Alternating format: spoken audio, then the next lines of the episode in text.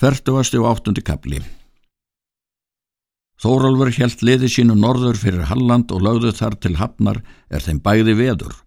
Rændu þar ekki. Þar var skamt á land upp í Arlsá er Arnfinnurinn emdur, en er hann spurði að vikingar voru þar komnir við land, þá sendi hann menn sín á fund þeirra þess erindis að vita hvort þeir vildu þar friðland hafa eða hernað. En er sendimenn voru komnir á fund Þóróls með sín erindi þá sagði hann að þeir myndu þar ekki herja, sagði að þeim var engin nöðsinn til að herja þar og fara herskildi, sagði að þar var land ekki auðugt. Sendimenn fara aftur til Jarlsins og sögðu honum erindislokk sín, en er Jarlin var þess var að hann þurfti ekki liði að sapna fyrir þá sög, þá reið hann ofana með ekki lið til fundar við vikinga. En er þeir fundust þá fóru þar allt vel ræður með þeim, Jarl bauð Þórólfi til veyslu með sér og liði hans því er hann vildi. Þórólfur hétt ferðinni. En þá er ávarg feðið, let Jarlinn senda reyðskjóta ofan í móti þeim. Réðust þeir til ferðar bæði Þórólfur og Egil og hafði með sér þrjá tegu manna. En er þeir komið til Jarlsins fagnaði hann þeim vel. Var þeim fyllt inn í stofu. Var þar þegar inn um ungátt og gefið þeim að drekka.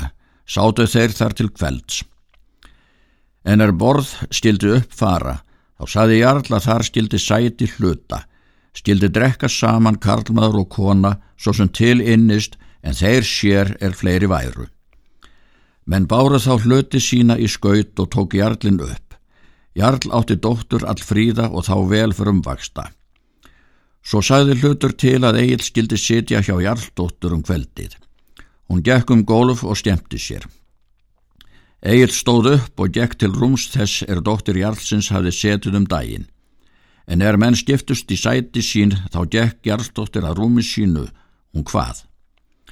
Hvað skaltu sveitni sessminn, því þú sjaldan hefur gefnar, vargi varmar bráðir, vesek vilt ein of mína. Sáttaðu rafni hausti og hræsholli gjalla, vastaðu að þars eggjar á skjelstunnar runnusk.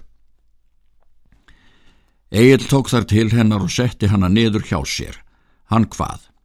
Farið hegg blóðugum brandi svátt mér ben þiður fylgði og gjallanda geiri. Gangur vas hardra af vikingum, gerðum reyðir rostu rann eldr of sjött manna, letum blóðka búka í borgliðum sæfask. Þá drökkuð þau saman um kveldið og voru all kátt. Var þar veistla hinn besta og svo um daginn eftir fóruð þá vikingar til skipa sinna. Stildust þeir jarl með vináttu og skiptust gjöfum við. Heldu þeir þórólfur liðinu til Brenneia. Þar var í þann tíma vikingabæli mikill því að þar syldu kaupskip mjög í gegnum eigarnar. Ági fór heim til búa sinna og sinir hans.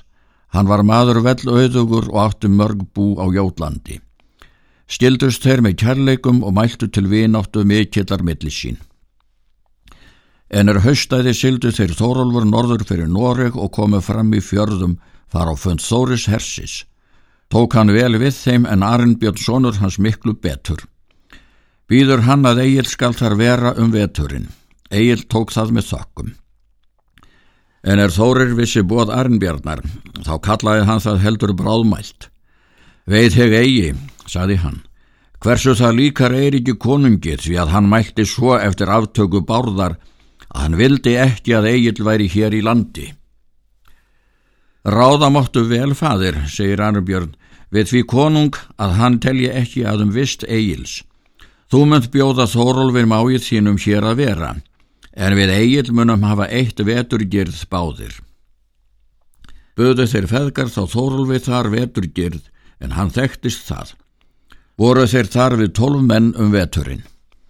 Bræður tveirinu nefndir Þorvaldur Offsi og Þorfinnur Strandi. Það voru náfændur Bjarnar Hölds og höfðu með honum fæðst. Þeir voru menn miklir og sterkir, kapsmenn miklir og framgjarnir. Þeir fylgdu byrni þá er hann var í viking en síðan er hann settist um kyrt, þá fóru þeir bræður til Þóróls og voru með honum í hernaði.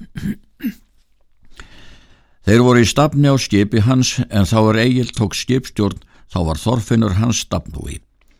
Þeir bræður fylgdu Þórólfi jafnan og matan þá mest skipveri sinna. Þeir bræður voru þann vetur í hans sveit og sátu næst þeim bræðrum. Þóralfur satt í öndvegi og átti drikju við Þóri en Egil satt fyrir ádrikju Arnbjarnar. Stildi þar um gólganga að minnum öllum. Þórir Hersins fórum haustið á fund Eiriks konungs. Tó konungur við honum forkunnar vel. En er þeir tóku ræður sínar, þá bað Þórir konung að hann skildi eigi fyrir kunna hann þess er hann hafði Egil með sér um veturinn. Konungur svarar því vel, saði að Þórir mátti þykja af honum slíkt er hann vildi. En ekki myndi þetta svo fara ef annar maður hefði við agli tekið. Það ætlaði Eiríkur að þú farir enn sem oftar að þú sért mjög talhlýðin og manst það eigi lengi er illa er gert til þín, en það möndu til þess draga fram svonu skallagrims að þeir munu enn drepa niður nokkur að náfrændur þína. En þótt þú látir þér engist þykja vertum drábarðar, þá þykir mér eigi þó svo að vera. Konungur segir, meir frýr þú mér Gunnhildur grimleiks en aðrir menn, en verið hefur kærra við þórulfa þinni hendi en nú er, en ekki munið orð mín aftur taka við þá bræður. Vel var þórulfur hér, sagði hún, áður eigið spilti fyrir honum, en nú ætla ég engan mun. Þórir fór heim þá er hann var búinn og sagði þeim bræðurum orð konungs og drottningar.